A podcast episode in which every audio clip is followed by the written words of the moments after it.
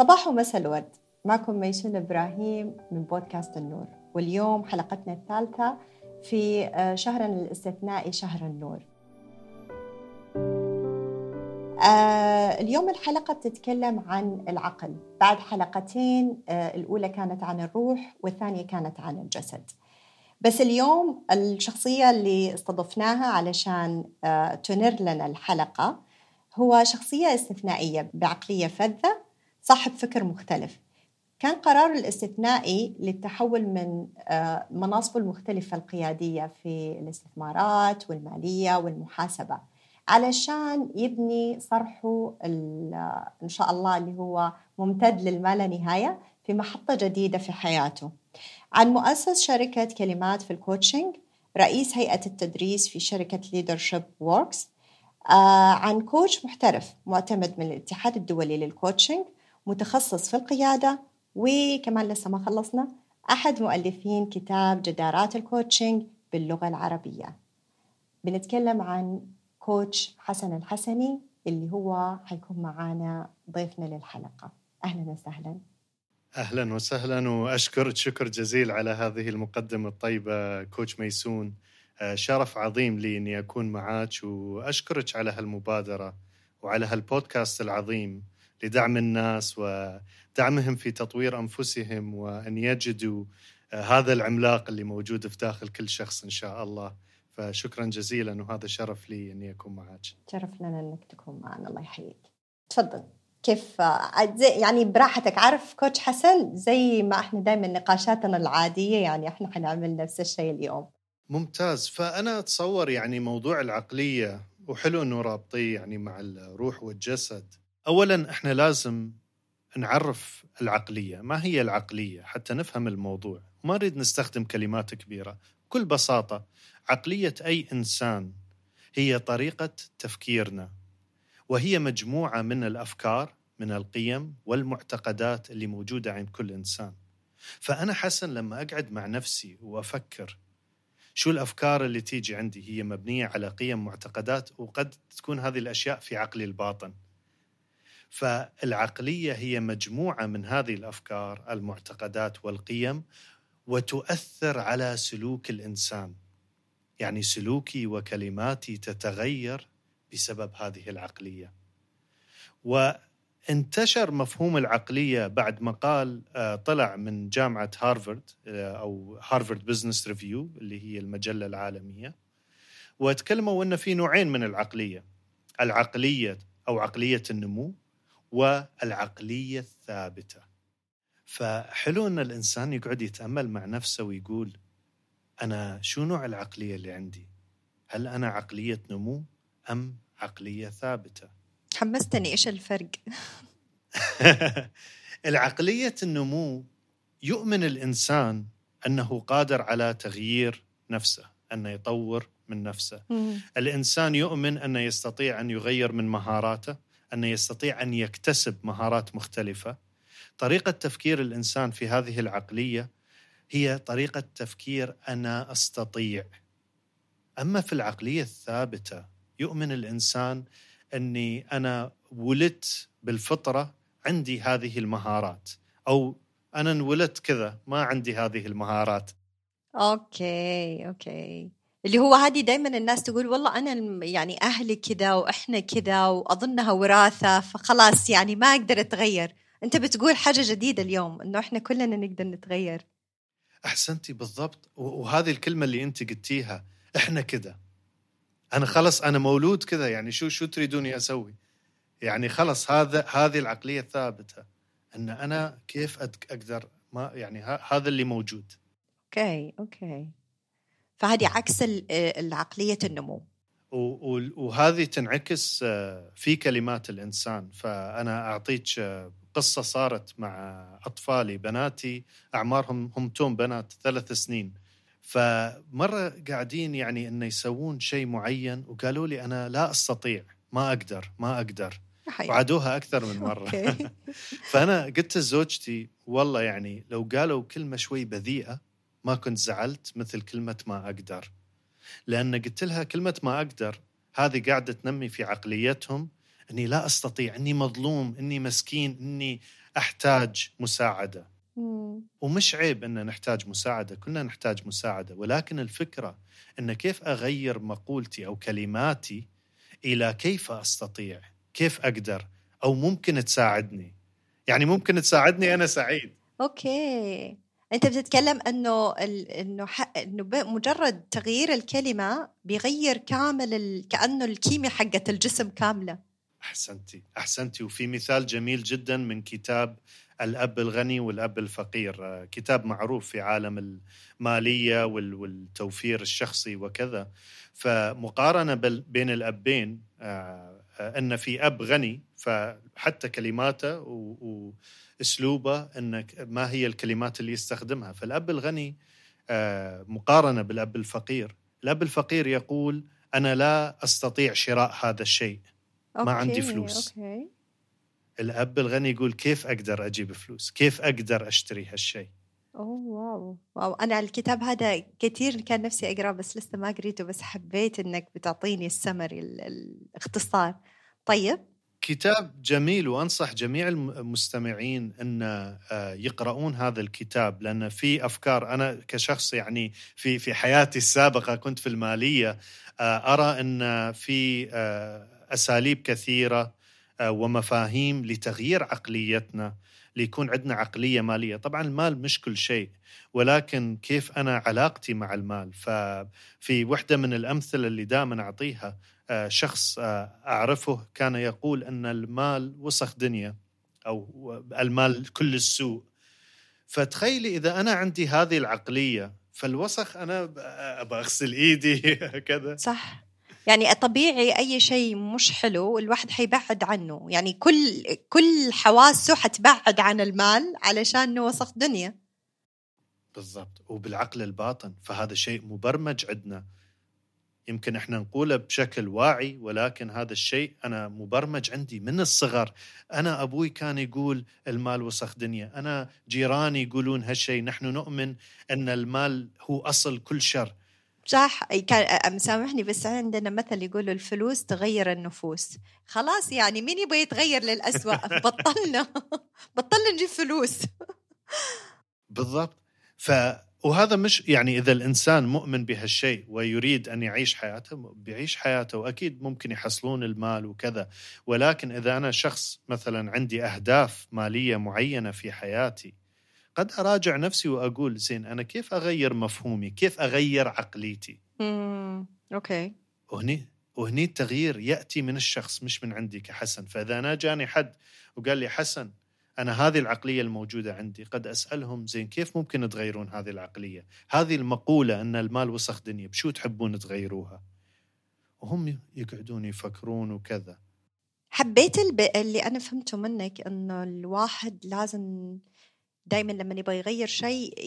يقرر إيش البديل على طول لأنه كأنه ال- الفكر العقل بيكون عنده مساحات فلازم تتعبى فيا حتعبى حلو يا حتعبى وحش بالضبط. يعني انت يعني عقلنا مثل خلينا نقول عندكم آه، مزرعة جميلة أو أو حديقة جميلة. وأنتم براحتكم تشيلون شو الزهور اللي تريدون تزرعوها وشو الأشياء اللي بت- بتغيرون فيها. فحابين تزرعون نخل حابين ورود حابين كذا.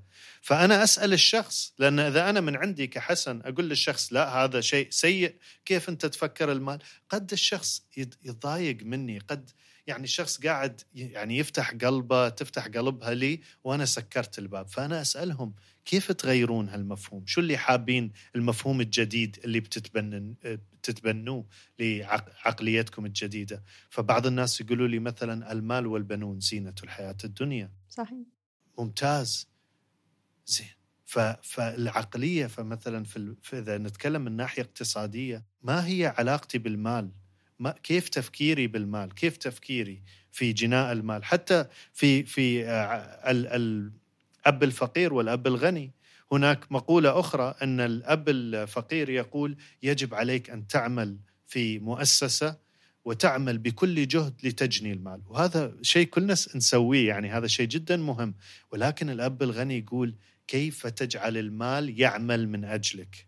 نعم. فمن ناحية اقتصادية هذه أقوى طريقة أن الإنسان يجني فيها اهدافه أو يحقق اهدافه المالية. لأن من ناحية مالية أنا لما أنا نايم قاعد أجني الأموال. فكيف تسخر المال من أجل أهدافك؟ فأمور كثيرة وسبحان الله فقط في تغيير كلمات ومفاهيم.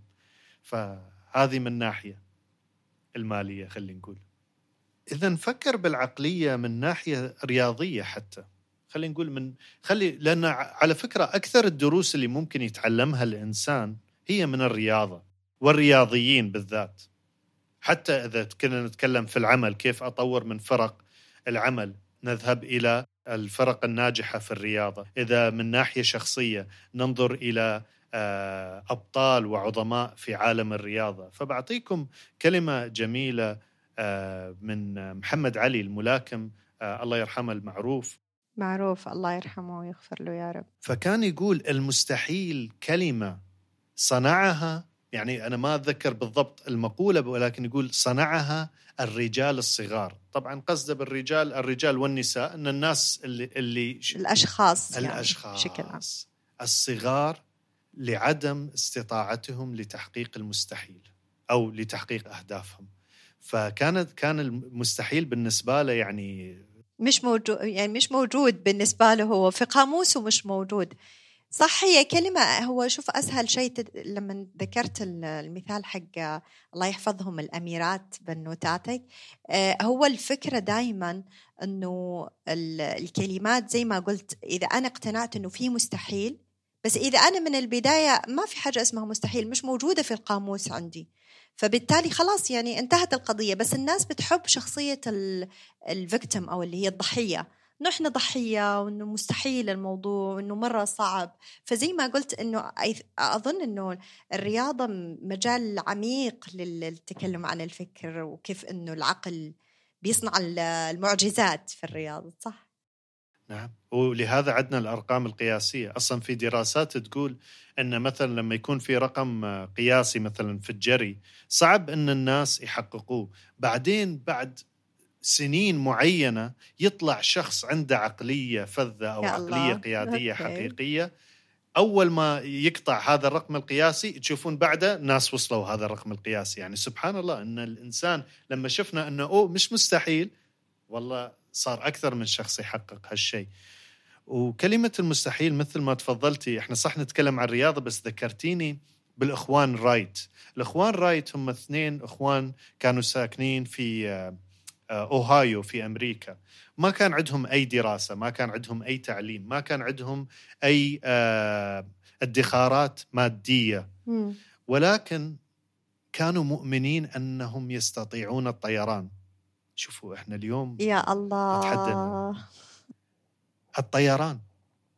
يعني قالوا إحنا نقدر نطير. كان عندهم محل ما أدري بالطائرات آه، عفوا شو يسموه باللغة العربية إن البايسكلز السياكل الدراجات يعني أو الهوائية. الدراجات الهوائية. سياكل نعم. سياكل دراجات الهوائية. محل دراجات هوائية. منها بدون أي استثمارات استطاعوا تصميم الطائرة اللي اليوم كلنا إحنا آه ناخذ هالطائرة. اوه ماي جاد بدون أي دراسة بدون شيء بس ما كان كان عندهم عقلية النمو كان عندهم عقلية الأستطيع. فهذا الشيء جدا مهم عندنا. أرنولد اللي هو آه، بطل كمال الأجسام اللي طبعا عقليته تفوقت على جميع العقليات من ناحية الرياضة حقق أرقام قياسية. على وقته. طبعا كسرت الآن أرقام القياسية ولكن حقق هذا الشيء. هو آه، لغته الأولى الألمانية هو من النمسا. ولكن استطاع أن يذهب إلى أمريكا ويتعلم اللغة الإنجليزية ويكون ممثل مشهور. وفي نفس الوقت سياسي. باللغة الإنجليزية. باللغة الإنجليزية مع لهجته الثقيلة. كانوا الناس يقولوا له أنت لهجتك ما تنفع لهجة ثقيلة. و... واستطاع أن يكون ممثل ومن أشهر الممثلين. وبعدها دخل العالم السياسي أصبح آآ آآ اللي هو ال... يعني أحد الشخصيات السياسية في كاليفورنيا. وكان هو من الحزب الجمهوري للي ما يعرف بالسياسة في حزبين الجمهوري والديمقراطي في أمريكا. نعم. وهو من الحزب الجمهوري وحقق استطاع أن يسيطر على آه، يعني كرسي سياسي عظيم في آه، كاليفورنيا وكاليفورنيا هي آه، ديمقراطية وليست آه، جمهورية. فإنسان حطم جميع مواضيع المستحيل. كل المحددات أو الحاجات اللي ممكن معوقات نسميها أو تحديات يعني تعدى كل المواضيع. كل شيء صار ممكن عنده مجرد إنه هو آمن فيها. بالضبط. فكل تحدياتنا إحنا نرسمها في عقلنا. التحديات هذا شيء وهمي شيء موجود عندي في عقلي. ما دام أنا أقدر أني أغير هذه العقلية أغير المستحيل وكلمة المستحيل أنا أقدر أصل لاي شيء آه، حاطه في بالي. نعم. كان عندي سؤال كوتش حسن. تفضلي. أنا أنا عارفة إنه ما شاء الله يعني آه، أكيد عندك نقاط رائعة بس حابة أعرف برأيك كيف ممكن نستغل لو كان في فكرة إنه نستغل الشهر هذا مثلا لبناء عقليه مختلفة ما أعرف يعني بس جاء على بالي. والله سؤالك جميل جدا وطبعا أنا ما حتكلم من ناحية دينية. أكيد أكيد. آه، حتكلم من ناحية خلينا نقول إنسانية ونفكر في الموضوع. من أهم الأشياء في الصيام في الصوم أنا لما أوقف نفسي عن الأكل عن شرب الماء خاصة جو قاعد يصير حار. نعم. آه، خاصة عندنا في الإمارات ولمستمعينا أكيد في الدول العربية. آه، أنا قاعد أسيطر قاعد أقوي عقليتي لأني قاعد أصبر قاعد أقوي. فالصبر من الأشياء اللي تقوي عقلية الإنسان. لأني أرى الماء أمامي وما حد يشوفني أقدر أروح أشرب ماء أقدر أكل ولكن الإنسان مسيطر على نفسه. فهذه من الأشياء اللي أنا أخلي أفهم أن الصيام كيف قاعد يأثر. أنا يعني بشكل عام دائما شيء أسويه لما أعطي محاضرات أسوي الصيام المتقطع. لأن الإنسان لما يصوم يقوي من عقلية. أيوه نعم فحتى لو أنا يمكن في الصيام المتقطع عندي عدد ساعات أصوم فيها وقد أشرب الماء فقط في هذا الصيام المتقطع ولكن ليش أقول حسن قوي عقليتك؟ فشهر رمضان من أفضل الفترات اللي إحنا فعلا نقوي عقليتنا لأن أنا آه، قاعد أصوم عن مش فقط الأكل الشرب ولكن عن الأفكار السلبية عن أني أتكلم عن الآخرين أنا أتعاطف مع الآخرين أكثر. فكل هذه الأمور فرصة ذهبية لنا إن إحنا نقوي عقليتنا. كأنها عقلية أنا أستطيع. يعني أنا أقدر إذا أنا قررت فأنا أقدر إني ما أشرب ما آكل ما أعمل أي شيء من اللي كنت أنا متعود أعمله في ال 11 شهر الثانيين. بالضبط بالضبط. فأنا لازم أربطها وأشوف إني قاعد أبذل جهد عظيم إن كنت أذهب العمل وأنا صايم إن كنت مثلا أمارس الرياضة قبل الإفطار أو كذا. فالإنسان قاعد يعني يكسر الحاجز. هي الفكرة إن إحنا نطلع من منطقة الراحة. فرمضان من أفضل يعني هذا الشهر الكريم أكبر فرصة لنا إن إحنا نطلع من هذه منطقة الراحة. مع الأسف هل إحنا قاعدين 11 شهر في منطقة راحة فقط في هذا الشهر الكريم؟ آه نطلع من منطقة الراحة. وبعطيكم مثال على منطقة الراحة. يعني إذا أنا آه إنسان أحب أجري وكل يوم أجري مع ناس وأنا أسرع منهم. أكيد بتغلب عليهم وبطلع الأول في كل مرة. صح أكيد. ولكن إذا أنا رحت وشفت ناس أفضل مني أشطر مني وجريت معاهم قد أكون الأخير ولكن قاعد أطور نفسي أكثر. حيكون عندي حافز إني إني أحسن من أدائي أكثر. بالضبط بالضبط. فخلي نطلع من منطقة الراحة لأن هذه من الأمور اللي تخلي عقلية النمو تنشأ عندنا أكثر. نعم. يعني أنا أحس إنه زي ما قلت شهر رمضان فيه فرصة إنه نتأكد إنه إحنا كل القوانين يعني في أكيد قوانين كتير في علم الأحياء بتتكلم عن الموية واحتياجنا لل وعدد الساعات اللي ممكن نتحملها من غيرها وإنه الإنسان يعني أنا بس حأضيف حاجة صغيرة كان عندي تجربة خلال الأسبوع اللي فات كان عندي اختبار. فأنا كنت أقول مستحيل أقدر أذاكر وأنا صايمة بدون أكل ولا شرب وبروح الدوام يعني أنا ما عندي إجازة. فلقيت إنه جلست مع نفسي قلت ميسون إذا أنت بتتكلمي يعني بتقولي دائما إنه ما في حاجة اسمها مستحيل برهني هالمرة لنفسك مع إنه الكتاب يقول إنه لازم أدرس 150 ساعة وأنا حدرس في بالضبط كان ثمانية أيام. صدقا الحمد لله أمس خلصت الاختبار ونجحت. فالفكرة أنه اللي أنا قلته أنه من جد في رمضان كل المقاييس بتختلف. هذا معناه إنه أنا يا جماعة هذا شهر بس معناته أنا عندي 11 شهر. لو قررت إني أغير كل المقاييس وكل القوانين الأحياء والكيمياء والفيزياء راح أقدر؟ راح أقدر؟ نعم. نعم. بالضبط بالضبط. وبعدين الصيام من ناحية بيولوجية ما دام تكلمتي عن عن هالموضوع آه لما الإنسان يصوم يكون البال طبعا في أول أيام لأن جسمنا مش متعود قد يكون الإنسان عنده صداع أو تعبان أو كذا. ولكن بعد فترة لما يتعو... نتعود على الصيام لهذا الناس دائما يقولون اليوم الرابع إنه خلص إنه أسهل صار لأنه تعود الجسم. سبحان الله صح صح. ف... فعقل الإنسان بالعكس تزيد التركيز. التركيز زايد. ليش؟ لأن هذه لو نرجع إحنا إلى حتى قبل الحضارات لما كنا شعوب وقبائل متناثرة في الأرض وكنا نبحث عن ما نأكله أن يا بسيط شيء يا بدور على شجرة معينة. فأنا أكثر الوقت صايم جوعان أدور على أكل. ولكن تركيزي يزيد. ليش؟ لأن تركيزي هذا جسم الإنسان سبحان الله من رب العالمين أنا أدور هل شفت مثلا غزال أرنب آه، تف شجرة تفاح أو شجرة آه، آه، فواكه معينة؟ فأنا أحتاج تركيزي. فبالعكس تركيز الإنسان يزيد. وفكروا فيها. الأسد الجوعان غير عن الأسد اللي شبعان ونايم. لهذا في في فخليكم دائما أسود جائعة. مش فقط من ناحية بيولوجية ولكن متعطشة وجائعة لتطوير الذات لفهم الذات. وأنا عجبني إن آه، في حلقاتك السابقة تكلمتي عن عن الروح آه، والجسد وعلى فكرة مترابطين. فأنا إذا أهتم بجسدي نعم. عقليتي تقوى. إذا أهتم بروحي عقليتي تقوى. والعكس صحيح الجسد بعد يحتاج العقلية لأن أنا ما أقدر أكون رياضي ناجح بدون عقلية تدعمني. وإذا ما عندي الروح ما آه، أتأمل ما أشتغل على روحي فأنا كيف بحقق تحديات جسدية قد أنا حاطها على نفسي فالثلاثة صح أن قد نحب نتكلم عنهم بشكل مختلف ولكن مترابطين بشكل عظيم جدا. يا كنت حسألك كوتش حسن بما أنه أنت طرحت دي الفكرة أنا كنت بقول الروح وتكلمنا عن غذائه والجسد وتكلمنا عن غذائه العقل أو آه، العقلية إيش غذائها؟ سؤال ممتاز آه أتصور في بعض الأشياء لازم إحنا نفكر فيها. اولا آه، أرسطو عنده مقولة جميلة آه، معرفة الذات آه، هي بداية الحكمة. فأول شيء لازم أنا عشان أغذي عقلي أفهم نفسي أقعد أفكر أتأمل بيني وبين نفسي. وأفكر أقول أنا ما هي نقاط القوة عندي؟ ما هي نقاط التحسين؟ شو الأشياء اللي لازم أطورها في نفسي؟ فيكون في فهم حقيقي للذات.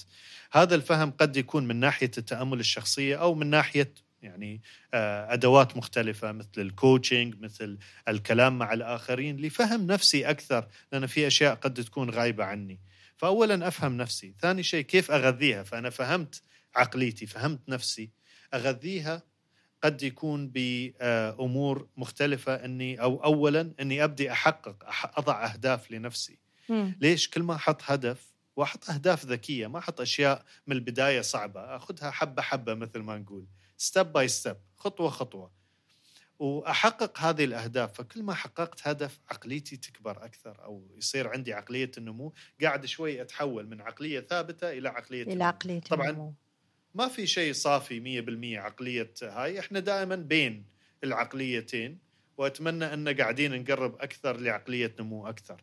فأنا أشتغل على أهداف أحقق أهداف. من هاي الناحية أقوي عقليتي. الصيام آه، الرياضة أمور كثيرة قد تأثر من الناحية الجسدية أو الروحية ولكن تؤثر على العقل بعد. فإحنا لازم بدايتها معرفة الذات السيطرة على الذات تحقيق الأهداف أو تحفيز الذات. وإذا ننظر إلى هذه الثلاث أشياء اللي تكلمنا عنها فهي هاي جدارات الذكاء العاطفي معرفة الذات السيطرة على الذات وتحفيز الذات. فالتحفيز الحقيقي يبدأ من الداخل وليس من الخارج. معليش أسمعهم مرة ثانية لفتوا نظري الثلاثة اللي هم آه فهم الذات. أوكي. هذه هي جدارات آه الذكاء العاطفي خمسة. طيب. وإذا نبدأ في أول ثلاثة فهم الذات السيطرة على الذات وتحفيز الذات. فتحفيز الذات هي نار تشب من الداخل وليس من الخارج. أنت أنت أنت أنت وأنت ما تحتاجون حد يحفزكم. تحفيزكم الحقيقي يبدأ من داخلكم. لأن إذا أنا أحتاج حد يحفزني باكر هذا الشخص مش موجود. شو حيصير؟ أنا خلص ضعيف ما عندي أي أي فرصة للتطوير. فهذه أول ثلاثة. وثاني اثنان أو أو خلينا نروح على الرابعة اي هي التعاطف. أتعاطف مع الناس. أنا كل ما ساعدت الناس كل ما فهمت الناس كل ما عقلية النمو زادت عندي. ليش؟ لأن لما أنا أتعاطف مع الآخرين وأساعدهم وحتى أقول لهم يعطيكم العافية شغلكم جميل. ما شاء الله. سويتوا شغل عظيم. كل ما أنا أشكر في الناس وأتعاطف معاهم في هرمون اسمه الأوكسيتوسين هو من هرمونات السعادة يفرز في الجسم ويحمسني أكثر ويساعدني أكثر فيغذي عقلي روحي وقلبي. وجميع آه الأمور. فمن ناحية بيولوجية تأثير عظيم. فإذا أنا أريد عقليتي تكون عظيمة فيجب أن أساعد الناس. لهذا موضوع جدا مهم. في برامج القيادية هي بناء عقلية القيادة أو العقلية القيادية. ففهم الناس ودعم الناس من أهم الجدارات القيادية وتنمي العقلية القيادية. لا يعني تعتبرها واحدة من الأهم ولا الأول؟ يعني هو سبحان الله صح القائد غير دائما يعني بياخذ قوته من من شخصيته مش من المنصب اللي هو شغال فيه. احسنتي إيش ممكن. تكلمنا. عن العقلية القيادية؟ إحنا طماعين كوتش حسن. أنت كوتش حسن إحنا طماعين. والله والله انت لخصتيها بأجمل مقولة فالقيادة ليست منصب ولا رتبة. القيادة هي طريقة تفكير وعمل. طريقة تفكير وعمل. فأنا مش المنصب الكرسي ما يعطيني. الكرسي قد هناك قادة وهناك من يقود. فأنا يمكن الكرسي يعطيني المركز. ولكن لين ما أنا تنتهي يعني لكل زمان آه، رجال يعني. صح. ف- فأنا ممكن يعني الكرسي يعطيني منصب ولكن ما يجعلني قائد. فهناك قادة وهناك من يقود. هذه كلمة سايمون سينك في كتابه القادة آخر من يأكلون. أنصح المستمعين أن يقرؤون هذا الكتاب. فالفكرة أن القيادة هي طريقة تفكير وعمل. فأولا كيف أنا أفكر؟ ما هي عقليتي؟ شو اللي موجود في عقليتي؟ وبعدين عمل أني أطبق على هالعقلية. فالقائد الحقيقي هو شخص أولا يؤمن آه، بأنه أو أنها آه، يستطيعون. أنا أقدر أسوي. القائد يبدأ أن يتقبل الآخرين. القائد تركيزه أني كيف أساعد الآخرين. وخلينا ناخذها مرة ثانية لناحية أنثروبولوجية. okay. يعني من ناحية إن أول ما بدأ الإنسان لما كنا شعوب وقبائل متناثرة حول الأرض كان القائد كيف يختاروه؟ إذا تفكرين فيها coach ميسون يعني إحنا اليوم يمكن القائد آه، خلينا نقول إذا كان آه، في منصب أو أو يعني طريقة تفكيرنا ان هاي بس خلينا نقول لو- لما كنا شعوب وقبائل وفي مخاطر حولنا كيف كنا نختار ما كان في؟ كفاءات مع... يعني ما كانت اللي الآن الكفاءات المطلوبة للمناصب فإيش كانت الكفاءات المطلوبة في ذاك الزمان؟ احسنتي قوة جسمانية مثلا. فكان القائد انه قوة جسمانية. ليش؟ لأن يجب أن يحمينا القائد من المخاطر. قد يكون مثلا آه، القائد آه، في أمور يعني جسدية أكثر. ولكن القائد اللي عنده قوة جسمانية إذا لم يستخدم هذه القوة لحماية الآخرين قد يهجم الآخرين عليه. إن هذا مش قائد لأن القوة الجسمانية على الفاضي مش قاعد يساعدنا مش قاعد يحمينا. ما بيستخدمها مش مفعلة.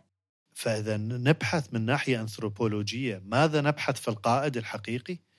نبحث أن الشخص يكرس حياته أو حياتها لمساعدة الآخرين لحماية الآخرين لتطوير الآخرين. حتى من قبل ما نكون شعوب أو نكون حضارات من هذا الوقت إلى اليوم القائد الحقيقي هو من يعرض نفسه للخطر لحماية الآخرين، القائد الحقيقي ومن يمتلك عقلية قيادية هو شخص يقول فريقي أنجز، ولما يخطئ الفريق يقول أنا المسؤول. يا الله. مين صار؟ كم واحد دحين موجودين؟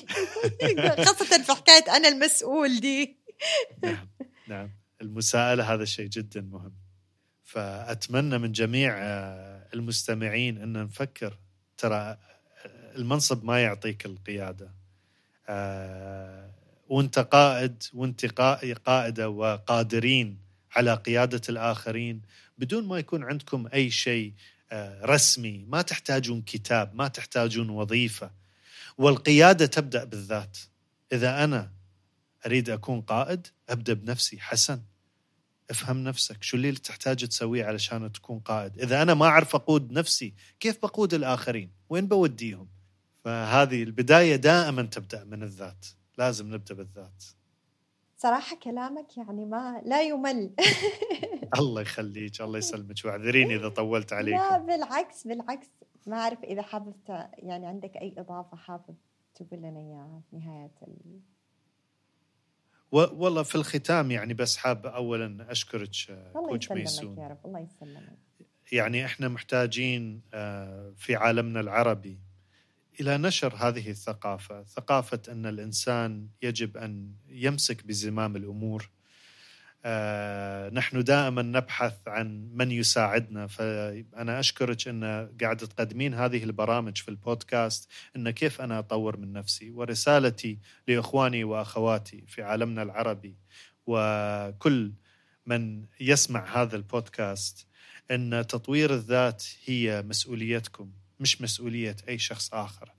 تطوير الذات هي هي هديتكم لأنفسكم، المفاتيح بإيدكم، لا تعطون المفاتيح هاي لأي شخص آخر.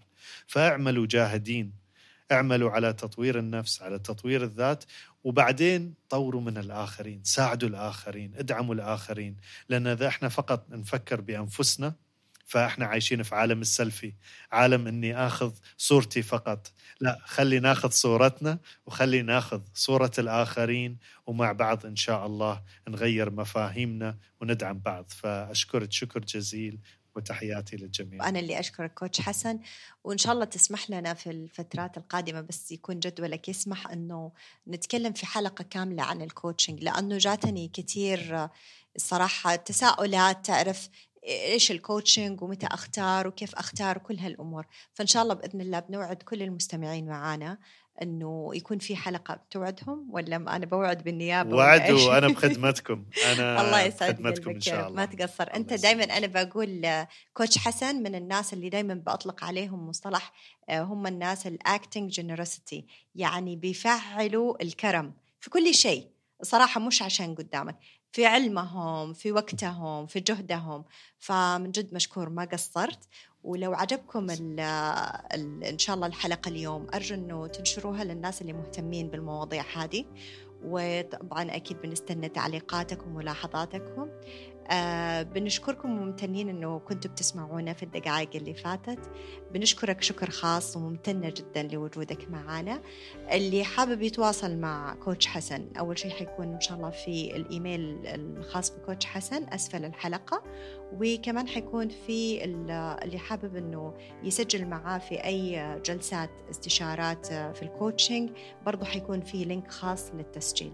سعيدة جدا وإن شاء الله آه، صيام مقبول وقيام يا رب متقبل. آه، دمتم بود.